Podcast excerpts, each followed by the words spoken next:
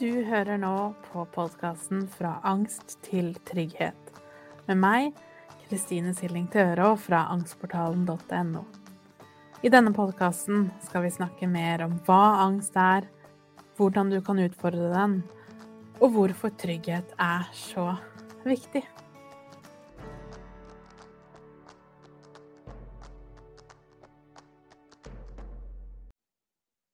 Hei og velkommen til episode 34, hvor vi skal snakke om angsten alltid vil være der. Det er naturlig nok et spørsmål som ofte kommer opp, for vi er jo gjerne aller mest redd for at sånn vi har det nå, er sånn vi alltid kommer til å ha det. Og så hører vi jo ting, og jeg sier ofte det, som at angsten alltid vil være med deg, osv. Og, så og det skaper veldig panikk når angsten er på det verste. Fordi at akkurat der, når angsten er et kjempeproblem for oss, så klarer vi ikke enda å se at angsten kan være en god ting. Og derfor gjør setninger som det ofte ganske vondt og er veldig triggende. Så derfor så har jeg lyst til i dag å snakke om hva er angst, litt om bakgrunnen for hvorfor jeg ofte sier at angsten kan være en venn, jeg skal snakke om det å bruke angsten som veileder, og hva det betyr. Og min egen erfaring rundt det å gå fra en lammende angst døgnet rundt til å kunne gjøre det egentlig alt, i hvert fall det aller, aller meste av det jeg har lyst til, uten at angsten stopper meg. Men først, hva er angst? Angsten din er en viktig del av deg. For angsten er der for å hjelpe deg til å overleve, for å forutse farer. For å vite når du bør flykte, når du bør kjempe, når du burde gjøre deg usynlig for omverdenen. Rett og slett på hvilken måte og i hvilke situasjoner du trenger å beskytte deg selv. Så hadde vi ikke hatt angsten, så hadde det vært en ganske farlig verden. Det er jo bare det at for noen av oss så blir angsten så voldsom at det blir så mye mer enn bare en beskytter. For plutselig så går den litt til angrep på oss selv. Plutselig er den så voldsom og sterk at vi ikke lenger klarer å fokusere på noe annet. Og hvis du er som meg, så klarte jeg ikke lenger jobbe. Jeg klarte ikke lenger å føle at jeg egentlig var en del av verden på mange måter. Jeg turte ikke gå ut av døra på veldig, veldig mange måneder. Og da er det vanskelig å skulle begynne å snakke om hvor bra denne angsten er. Så det forstår jeg veldig godt. Og videre så er det jo sånn i denne prosessen Så er jo noe av poenget at vi skal bli gode på å håndtere livet, rett og slett. Det er jo det alt handler om. Å forstå oss selv og følelsene, og kunne møte det vi føler på, og ha den kunnskapen vi trenger for å leve det livet vi ønsker å leve. Og det gjennom den prosessen gjør at fra å fullstendig være lamma av angst hele tiden, alltid måtte tenke på den først, om du så vil eller ikke, så, så presser angsten seg på. Og derifra til å begynne å forstå hva angsten din egentlig prøver å si. I veldig, veldig mange år før jeg begynte å jobbe med angsten min, så så jeg på angsten min som det mest negative med meg den gjorde at jeg ikke klarte å fungere på en sånn måte som jeg tenkte at alle andre fungerte på. Og det gjorde at jeg var livredd, og jeg gjorde veldig mye for å unngå å føle på det jeg følte på. Så alle de mestringsstrategiene vi aldri alle bruker for å ikke kjenne etter, for å ikke ville føle på det som faktisk eksisterer og bor inni deg. Og det er veldig ofte ikke en bevisst prosess. Det er ikke sånn at jeg våknet hver morgen og tenkte i dag skal jeg virkelig stå på så jeg slipper å føle. Men det blir til slutt din normal, fordi det er sånn vi er vant til å leve, de aller fleste av oss. Fordi vi lærer jo aldri hvorfor du i det hele tatt skal gidde å kjenne på sinne. Istedenfor å hele tiden fortelle deg selv at jeg burde ikke være så sint, jeg må slutte å være så sint, osv. Og når da angsten kommer, så har vi gjort det over så lang tid at vi ikke lenger klarer å holde den fast. Vi klarer ikke lenger å ikke kjenne. Fordi kroppen som en trykkoker som har bygd seg opp damp over mange år, eksploderer. Og det blir for mye for oss. Og når vi da skal begynne å jobbe med angsten, som sagt, så handler det om å begynne å se bakenfor symptomene. Bakenfor alt det i kroppen din som roper høyest, som tankekjøret, som den enorme uroen i kroppen, og selvfølgelig alle de fysiske symptomene som skremmer livet av oss. Og bak alt det støyet så står det en del av deg som er ekstremt sårbar.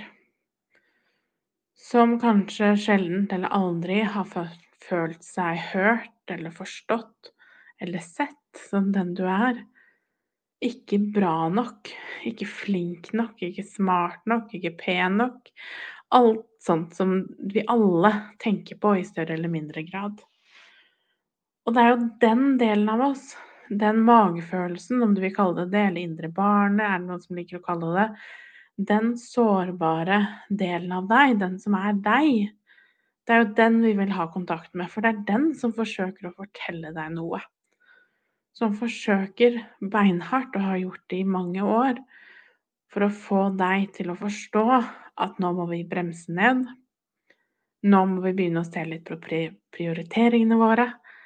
Nå er vi nødt til å ta følelsene våre på alvor og se på livet vårt som Og se hva er det her som er bra for deg, og hva er det som er absolutt det motsatte.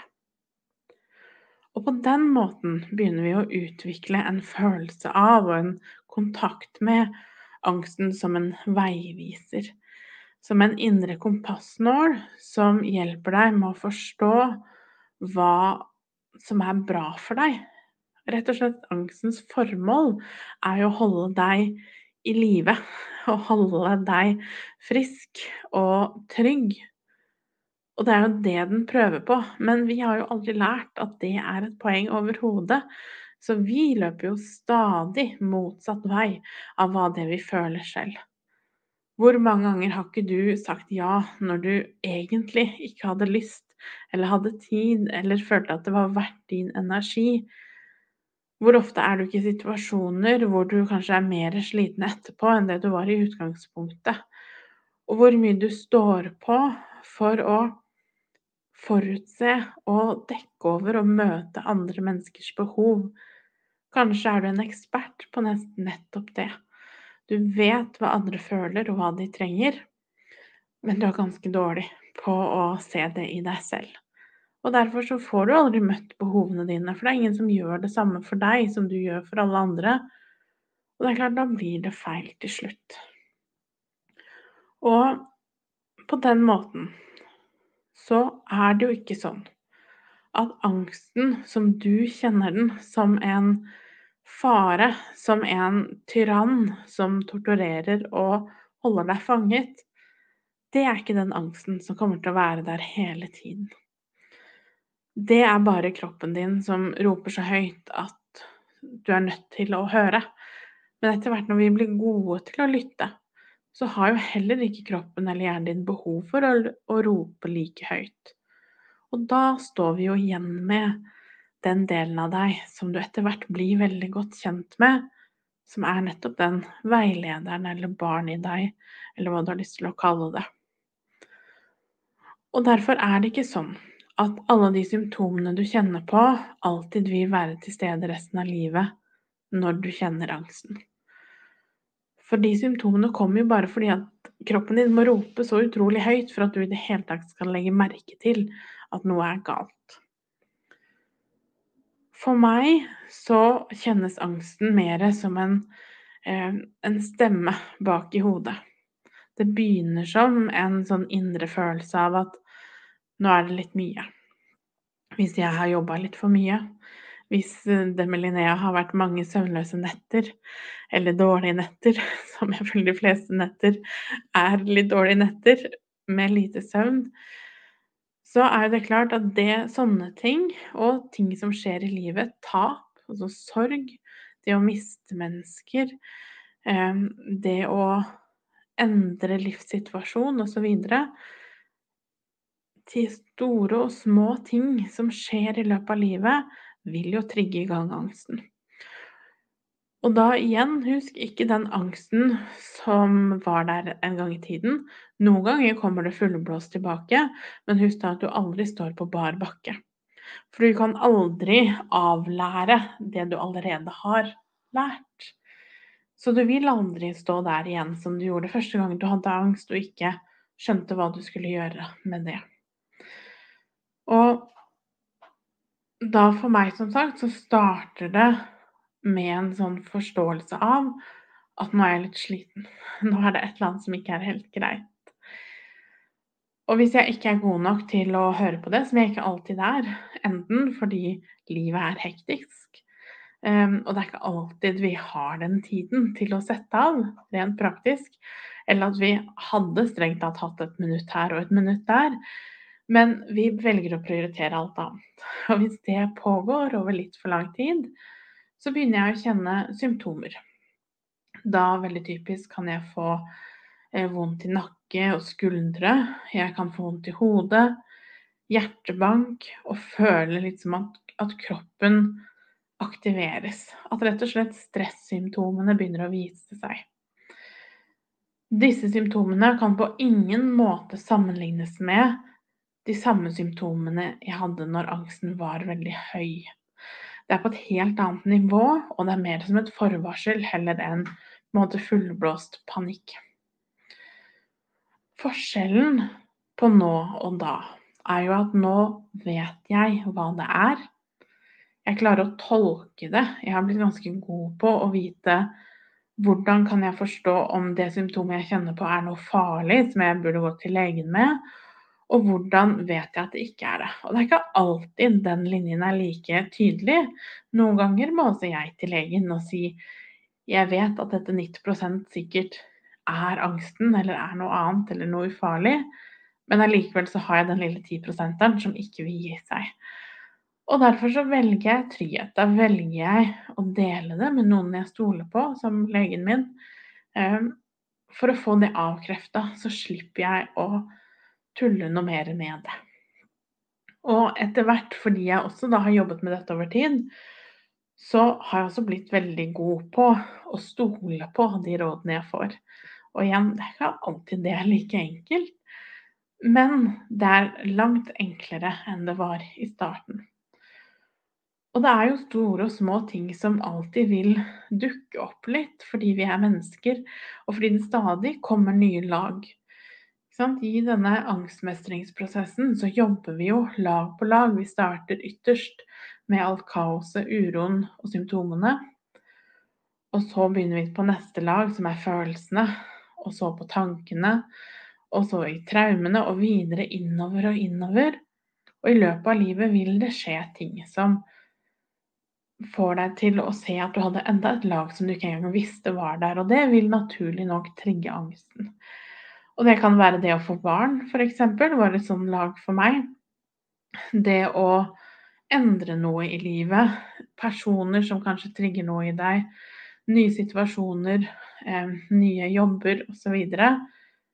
Små og store ting som vil kunne trigge fram noe du ikke visste var der. Men igjen en kjempeforskjell på da og nå er jo at du har begynt å jobbe med det. Og det er jo ikke sånn at selv om angsten kommer tilbake, så har du glemt alle teknikker og verktøy og kunnskap du har fått med deg på veien.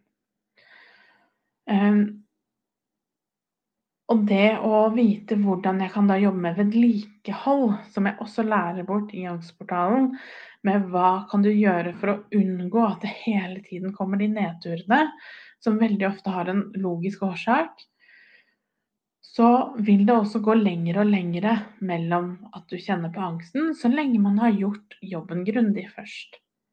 Man har gått gjennom stegene, man har møtt følelsene, du har jobbet med tankene, du har eksponert deg, du har øvd på å være sårbar, og etter hvert øvd på det vedlikeholdet som er så viktig, så vil angsten komme tilbake som noe helt annet. Og det er det det er viktig å forstå når vi står midt i angsten. At den vil ikke alltid være der i den forstand som den er der nå. Men angsten som mekanisme og konsept, nærmest, den vil alltid være der. Det får vi ikke gjort så mye med fordi du er menneske, rett og slett. Og så er det noe med når vi først har opplevd et traume, som jo det å ha angst det er et traume å oppleve hvordan livet plutselig ikke helt var som vi trodde det skulle være, osv. Det gjør veldig mye med oss. Og da vil det alltid også være med oss. Så den frykten for at det skal skje, det er helt normalt at den er der, og den skal få lov til å være der. Og etter hvert blir det også lettere å stå i den, fordi man får nok erfaring med at jeg kan kjenne på angst. Jeg kan til og med kjenne på panikkanfall, men det river meg ikke ned på samme måte som det gjorde før. Um, og så er det jo helt vanlig at man da kjenner på både slitenhet, utmattelse kanskje til og med, i denne prosessen, fordi det er så krevende. Men det også blir bedre etter hvert som vi, vi, vi blir veldig gode på å håndtere alt det her, og håndtere alt som er vondt, og alt som er vanskelig. Så for å oppsummere Hvis du kjenner på en litt sånn indre panikk når jeg sier ting som at angsten alltid vil være der, så vit at det jeg egentlig mener, er overhodet ikke at den alltid vil være der sånn som du opplever den akkurat nå. Men den må, vil være der som en følelse som en opplevelse av noe som sier ifra når det har blitt litt mye. Når livet rett og slett har vært litt for voldsomt. Når du enten har sovet litt lite, du har spist litt dårlig, eh, du har jobbet for mye, du har strekt strikken for langt, så vil den komme frem med varsler. Så det å da bli kjent med hvordan de varslene ser ut, gjør jo at vi mye fortere kan gjøre noe med det.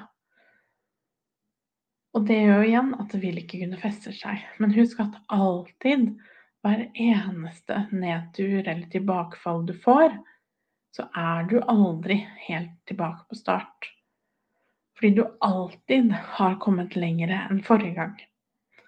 Hver gang du er gjennom en sånn bølge, så lærer du nye ting om deg selv, om angsten din, du får økt styrke i at du faktisk mestrer og føler på angsten, som er jo vanvittig bra i seg selv.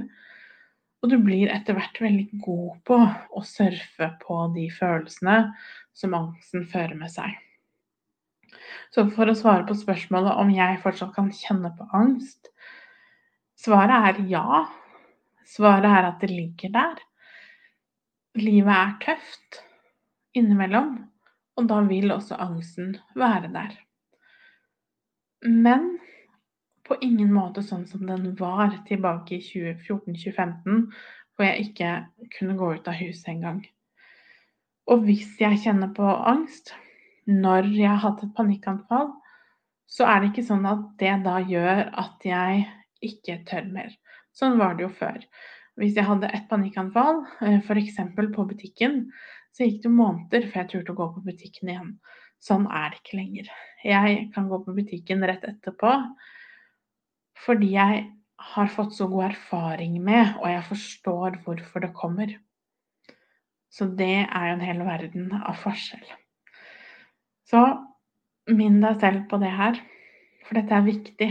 For noe av det holdet angsten har over deg, er jo nettopp tanken på hva om dette aldri går over? Hva om jeg alltid skal ha det sånn jeg har det akkurat nå?